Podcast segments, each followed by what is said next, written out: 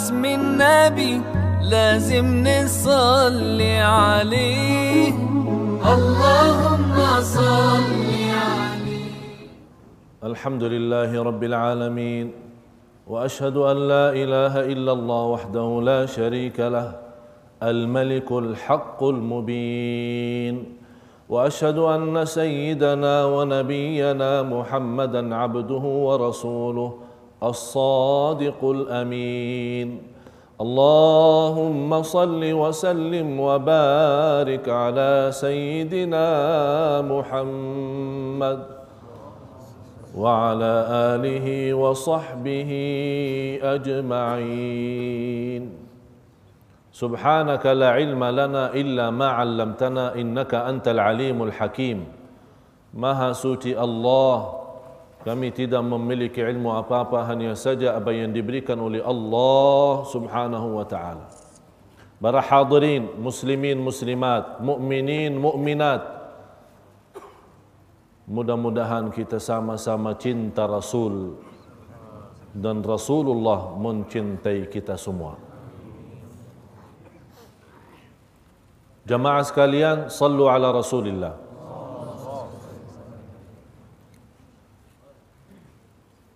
Hijrah Rasul sambil menuju kota Madinah.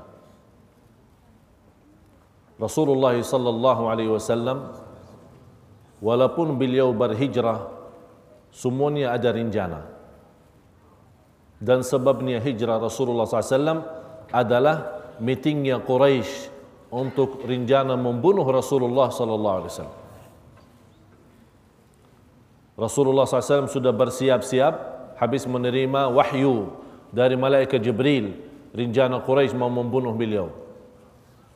Rasulullah SAW minta sama Ali bin Abi Talib radhiyallahu an untuk tidur di tempatnya malam hari. Kita faham ini?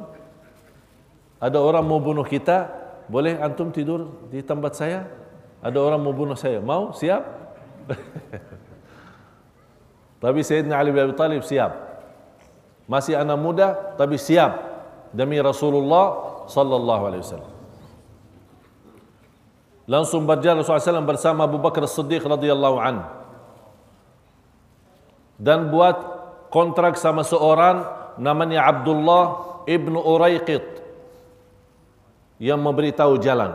Karena Rasulullah tidak akan berjalan dari Makkah langsung Madinah ke, ke arah utara. Pasti ditahu nanti sama Quraisy ditangkap. Tapi Rasulullah SAW pindah posisi, pindah arah menjadi ke arah selatan. Tapi karena di arah ke, ke arah selatan, kemudian sampai ke laut Jeddah, kemudian Rabig, Yombo dan seterusnya, ini beberapa posisi dan lokasi tidak ditahu oleh Rasulullah SAW. Diperlukan orang yang memberi petunjuk jalan. Kontrak sama Abdullah bin Uraiqid dikasih tahu jalan. Padahal Abdullah bin Uraiqid orang kafir.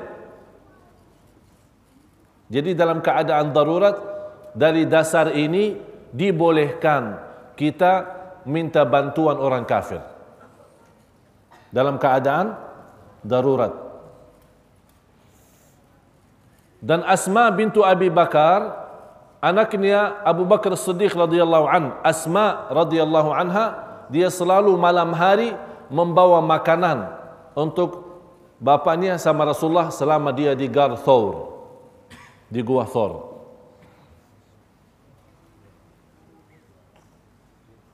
Ada juga anaknya Abu Bakar Siddiq adalah Abdullah yang membawa berita. Karena mereka kan bertahan selama tiga hari di, di Gua Thor. Jadi siapa yang membawa berita Makkah? Abdullah, anaknya Abu Bakar Siddiq. Jadi dia keluar pagi lihat berita-berita kufar Quraisy. Terus malam hari datang ke jumpa Rasul sama bapaknya dan diberitahu berita. Ada berita malam, ha? tahu berita malam? Ini Abdullah bin Abu Bakar kasih berita malam. Selama tiga hari sudah mulai sepi, sudah mulai Quraisy seolah-olah putus asa jumpa Rasulullah SAW. Rasulullah mulai berjalan menuju kota Madinah. Tapi di arah selatan, bukan arah utara. Padahal kita tahu dari Makkah menuju ke Madinah seharusnya ke arah utara. Inilah semua ikhtiar Rasul. Semuanya itu ikhtiar Rasul. Berjalan, berusaha, sewa orang, kontrak orang untuk diberitahu jalan, kemudian makan malam hari, sembunyi di posisi yang tidak ditahu. Ini semuanya ikhtiar. Tidak menurani tawakal kita kepada Allah. Tetap kita tawakal, tapi sebelum tawakal harus ada ikhtiar. Rasulullah SAW berjalan. Berjalanan Rasulullah SAW naik unta. Yang membawa unta Rasulullah SAW di depan, Sayyidina Abu Bakar di belakang. Sambil menuju kota Madinah. Kalau ada orang di dalam perjalanan bertemu ditanya sama Abu Bakar. Ini siapa ini yang di depan? Dia tidak cerita ini Muhammad. Nanti ditangkap lagi orang. Orang dah tahu ini siapa. Tapi kata Abu Bakar yang di depan ini adalah orang-orang yang memberi aku petunjuk. Memang Nabi Muhammad memberikan kita petunjuk kepada jalan Allah, kepada jalan surga. Ini namanya kata-kata yang lahirnya nipu tapi ada inti dan makna. Masya Allah. Bintar Abu Bakar. Cerdas. Sambil Rasulullah SAW dengan rasa rindunya dengan penuh harapan dan penuh cinta keluarga kota Madinah sangat menunggu Rasulullah sallallahu alaihi wasallam. Sejak mereka menerima berita Rasulullah sudah berjalan dari Makkah, mereka setiap hari mulai dari pagi habis subuh sampai malam hari menunggu di batasan Madinah kedatangan Rasulullah sallallahu alaihi wasallam. Bertemu bertama lokasi dari siang hari Rasulullah SAW masuk di hari Senin 12 Rabiul Awal kota Madinah lewat yang namanya lokasi atau tempat kewasaan namanya Kuba. Bertemu dengan ahli Kuba. Dan pertama yang dikerjakan oleh Rasulullah SAW di Kuba adalah membangun masjid. Itulah yang ternama pertama masjid di Islam adalah Masjid Kuba. Kalau sebelum Islam memang ada Masjidul Haram yang ada Kaabah, Masjidul Aqsa ini sebelum Islam. Tapi sesudah Islam pertama masjid adalah Masjid Quba. Kemudian lanjut Rasulullah SAW dari posisi Masjid Quba menuju ke kota Madinah. Sambil Rasulullah SAW ke kota Madinah, disambung oleh ahlu Madinah. Cuba lihat, terbukti dalam sejarah tidak ada seorang kota penduduknya yang betul-betul cinta Rasulullah sebagaimana ahlul Madinah, keluarga orang Madinah. Sampai Rasulullah mendoakan, Ya Allah, rahmatilah al-ansar, rahmatilah keturunan al-ansar, rahmatilah anak-anak al-ansar, rahmatilah cucu-cucu al-ansar. Semua dirahmati Allah Subhanahu wa taala. Ini doa Nabi Muhammad SAW khusus untuk ahlul Madinah. Rasulullah SAW bersabda di hadis yang sahih, من أحب أهل المدينة فقد أحبني ومن أبغض أهل المدينة فقد أبغضني Barang siapa yang cinta Ahlul Madinah, dia telah cintaku. Barang siapa yang tidak suka sama Ahlul Madinah, dia tidak suka samaku, kata Rasulullah.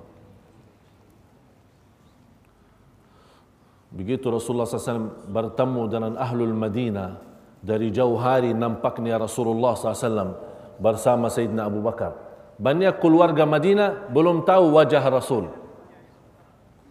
Tapi mereka merasa, oh barangkali Abu Bakar itu Rasul.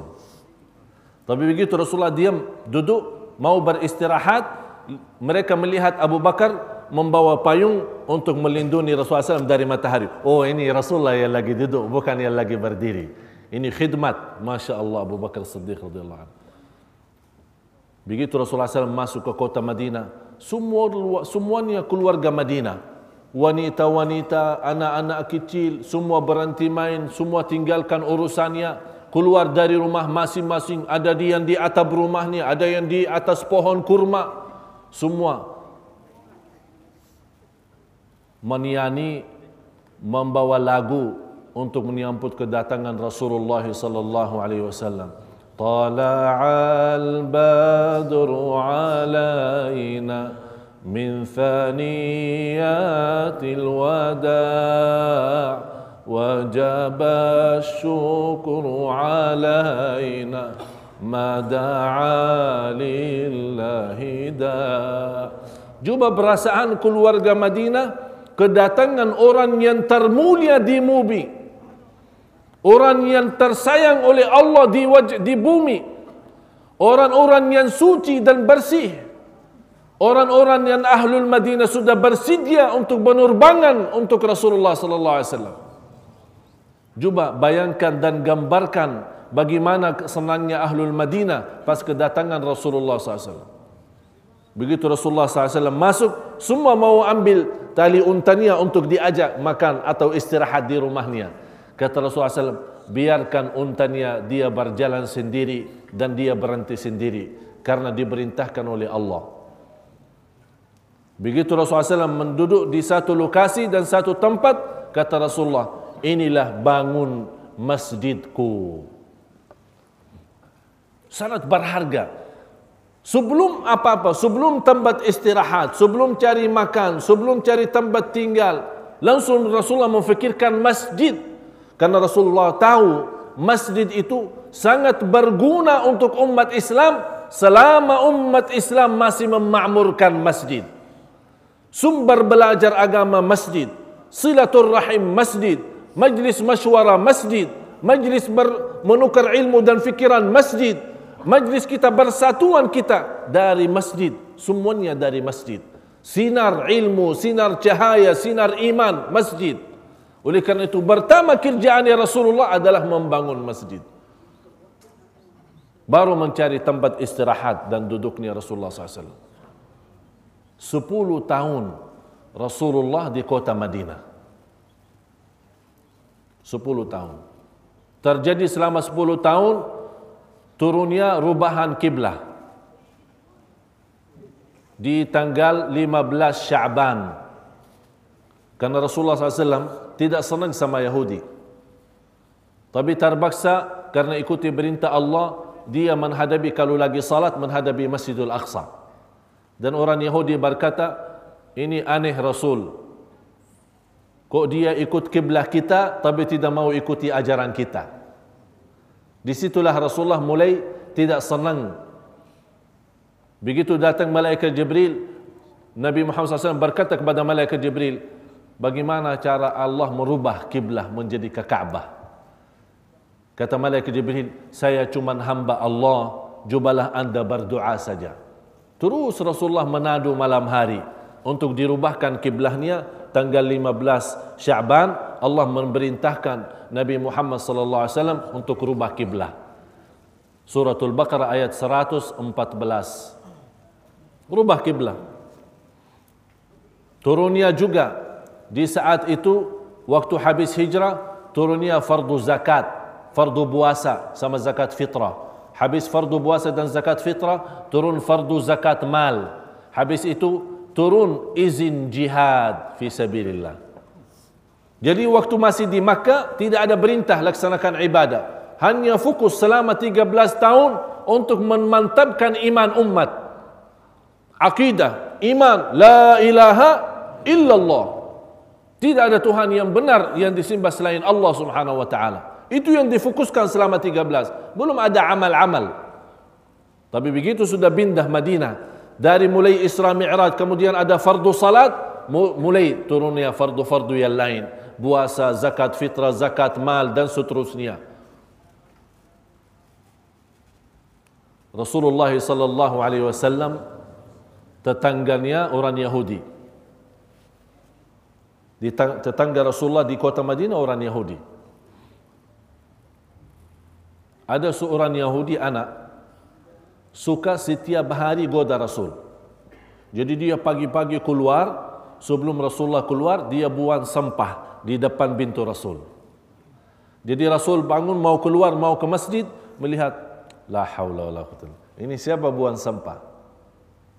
Tapi Rasulullah sendiri, Rasulullah yang mulia, Rasulullah yang yang suci, Rasulullah yang dicintai Allah, disayangi Allah, dia sendiri membersihkan tempatnya. Besoknya datang lagi. Begitu mau keluar, lihat sampah lagi. Sekian lama orang anak Yahudi ini suka buang sampah di depan pintu Rasul. Ada satu hari Rasulullah keluar, oh tidak ada sampah. Eh mana ada ada sampah hari ini? Rasulullah bertanya, kenapa anak Yahudi tidak membuang sampah hari ini? Jumpa Rasul akhlak mulia. Ya Rasulullah, anak-anak Yahudi lagi sakit. Ayo kita menuju silaturrahim. Allahu Akbar. Rasulullah silaturrahim sama musuhnya. Rasulullah mencari orang yang sakit yang setiap hari dia buang sampah. Datang. Begitu Rasulullah jumpa sama orang anak Yahudi, Rasulullah tidak pernah cakap, ha, sakit, ha? setiap hari buang sampah ya. Tak ada Rasul tidak pernah berkata, wa ma arsalnaka illa rahmatan lil alamin. Rahmat bagi semesta alam. Seluruh makhluk dapat rahmat dari Rasulullah. Muslim, mukmin, munafik, kafir, Yahudi, Nasrani, binatang, pohon-pohon, batu-batu dapat rahmat dari Rasul sallallahu alaihi wasallam.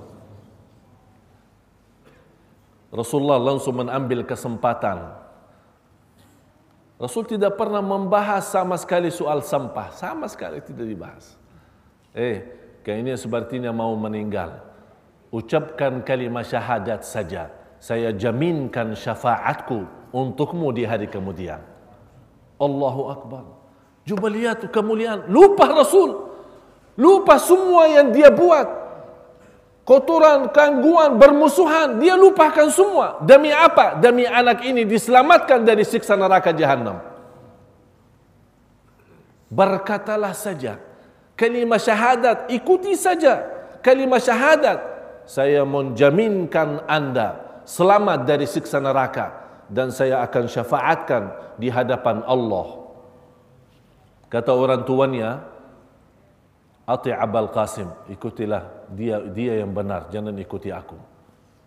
Langsung anak itu mengucapkan kalimat syahadat. Ashhadu an la ilaha illallah wa ashhadu anna Muhammad Rasulullah. Kemudian meninggal dunia.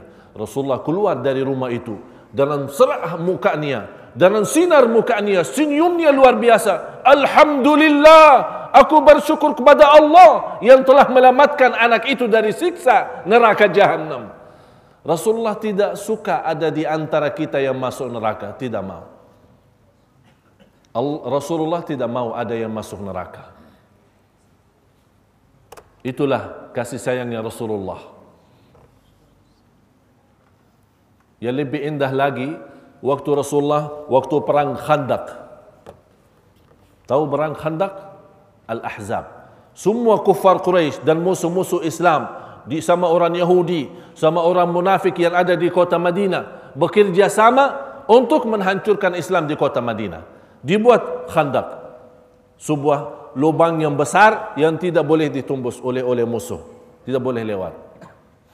Terjadi malam hari, musim sejuk, kelaparan di kota Madinah, banyak kemiskinan, banyak kekurangan, dan di habis itu mereka kerja terus menggali tanah agar membuat lubang yang besar. Satu satu malam Jabir ibn Abdullah melihat ya Allah kasihan Rasul dan sahabat. Berapa orang yang bekerja? 1500 orang. Dia langsung Jabir bin Abdullah pergi ke rumah. Dia bertanya, istriku ada makan apa di rumah? Ya ada sedikit daging sama sedikit roti. Ya boleh, boleh. Saya mau ajak Rasulullah makan, boleh? Ya boleh, boleh. Tapi Rasul saja ya. Boleh, ya kan sedikit. Mana-mana cukup untuk 1500. Ya udah nanti saya ajak. Tapi saya tidak enak sama sahabat. Ya udah urusan lo. Bagaimana caranya udah. Dia datang Jabir Abdullah dekat Rasulullah. Rasulullah lagi duduk istirahat. Jabir Abdullah bisik-bisik. Faham bisik-bisik sama Rasulullah. Ya Rasulullah, ada makan di rumah saya, ada daging sama roti sedikitlah. Bismillah barakah. Rasulullah lapar. Ya, ya, boleh, boleh. Rasulullah berdiri. Wahai sahabatku, wahai ahlul khandaq, ini ada undangan dari Jabir bin Abdullah yang lagi lapar silahkan makan. Us, kaget Jabir. Ya Rasul ini antum saja, bukan ini orang ini. Mana ni cukup? Langsung dia kabur lari cari istrinya. Eh istriku, ini ada masalah besar. Saya bisik-bisik Rasul, malah Rasulullah panggil semua orang. Ini gimana jalan keluar? Tapi jumpa istrinya Masya Allah, iman mantap, iman sempurna. Eh, wahai suamiku, kalau Rasul berkata ini, jangan takut. Ini urusan Rasul, bukan urusan kita. Dan Rasulullah basan, wahai Jabir, kalau sudah matang makanan, jangan bagi, saya yang bagi. Rasulullah sendiri datang dan Rasulullah sendiri bagi. Rumah Abdul, Jabir Abdullah kan kecil, udah masukin 10 orang 10 orang. Rasulullah yang bagi makanan. Udah roti ini roti semua. Jabir Abdullah hanya menunggu ni, kapan habis ini? Masya Allah. Semua sudah 1500 habis. Kata Jabir, demi Allah, lillahi ta'ala, tidak ada yang kurang sedikit pun dari makanan yang disediakan. Ini barakahnya Rasul, mu'jizat. Mu'jizat. Allahumma salli wa sallim ala Sayyidina Muhammad. Ada seorang waktu perang badar, Rasulullah lagi menatur saf-saf. Ini semua cerita Rasulullah selama di Madinah. Lagi menaturkan saf-safnya, tapi Rasulullah SAW membawa panah. Sambil menaturkan saf, ujung panahnya itu kena sahabat. Ada satu orang sahabat kena luka bagian perutnya. Berdarah. Rasulullah SAW minta maaf. Jumpa jamaah sekalian. Rasul minta maaf. Rasul minta yang seharusnya kita yang minta tawadu. Apa kata sahabat itu? Saya tidak boleh maafkan. Saya mau balas. Ini luka sama-sama harus luka. Ya Rasulullah karena orangnya orangnya rahmatan, ha? kasih sayang, jujur, terbuka, lemah lembut, tawadu, terbuka hatinya. Rasulullah langsung angkat dia punya baju, silahkan antum balas. Biar sama-sama luka, sama-sama ada darah. Begitu orang itu melihat Rasulullah angkat baju, langsung dia buang diri. Cium dia punya perut Rasulullah. Eh, Rasulullah kaget. Antum mau balas atau mau cium ini? Cuman apa kata orang itu? Ini keadaan di perang badar. Kata orang itu, Ya Rasulullah, saya sekarang dalam keadaan perang. Barangkali saya mati. Saya harap terakhir amal yang saya buat di dunia ini sebelum mati adalah kulitku boleh suntuh dengan kulitmu ya Rasulullah. Allahu Akbar. Apa cintaan mereka itu apa?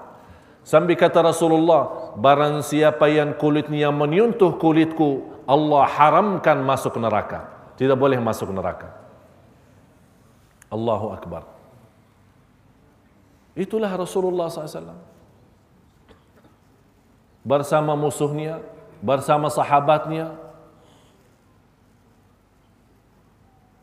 Siapapun yang memusuhi Rasulullah selalu Rasulullah SAW membalas baik, tidak pernah balas dendam dan tidak pernah Rasulullah SAW ada sakit hati sama siapapun.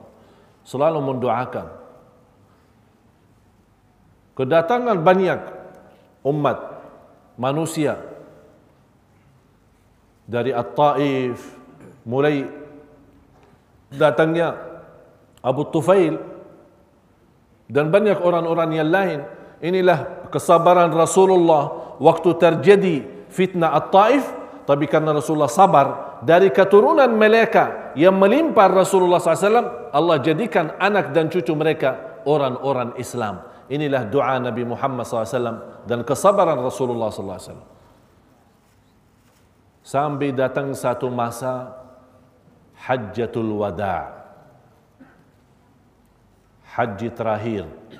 Haji perpisahan.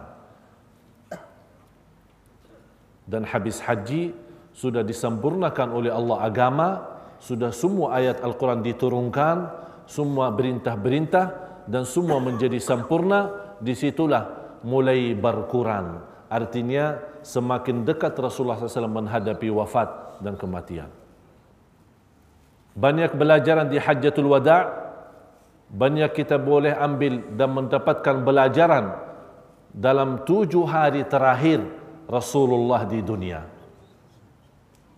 Apa isi tujuh hari terakhir Rasulullah di dunia? apa belajarannya di Hajjatul Wada dan apa pesan-pesan yang terakhir dari Rasulullah untuk umatnya. Mudah-mudahan dalam pertemuan yang akan datang boleh kita sama-sama mempelajari ilmu-ilmu dan rahasia hikmah-hikmah dari Hajjatul Wada dan apa pesan-pesan Rasulullah di hari atau tujuh hari yang terakhir Rasulullah tujuh hari yang tersisa di dunia Rasulullah sallallahu alaihi wasallam. Mudah-mudahan semua dalam keadaan sihat wal afiat. Mudah-mudahan bagaimana Allah berikan kemudahan kita sama-sama berkumpul di majlis untuk mengingati Maulidur Rasul dan untuk sama-sama mempelajari sirah Rasulullah sallallahu alaihi wasallam. Mudah-mudahan kita jumpa lagi dalam keadaan mulia dan sihat wal afiat dan jumpa lagi di surga Allah bersama Nabi Muhammad sallallahu alaihi wasallam. Semua kita sangat merindukan Rasulullah. Sangat merindukan Rasulullah. Sangat merindukan Rasulullah. Saya harap malam ini mohon jamaah sekalian harus berusaha bagaimana cara kalbu kita merindukan Rasulullah sallallahu alaihi wasallam. Inna Allah wa malaikatahu yusalluna 'alan nabi ya ayyuhalladzina amanu sallu alaihi wa sallimu taslima. Allahumma salli wa sallim wa barik ala sayyidina Muhammad wa ala alihi wa sahbihi ajma'in walhamdulillahi rabbil alamin.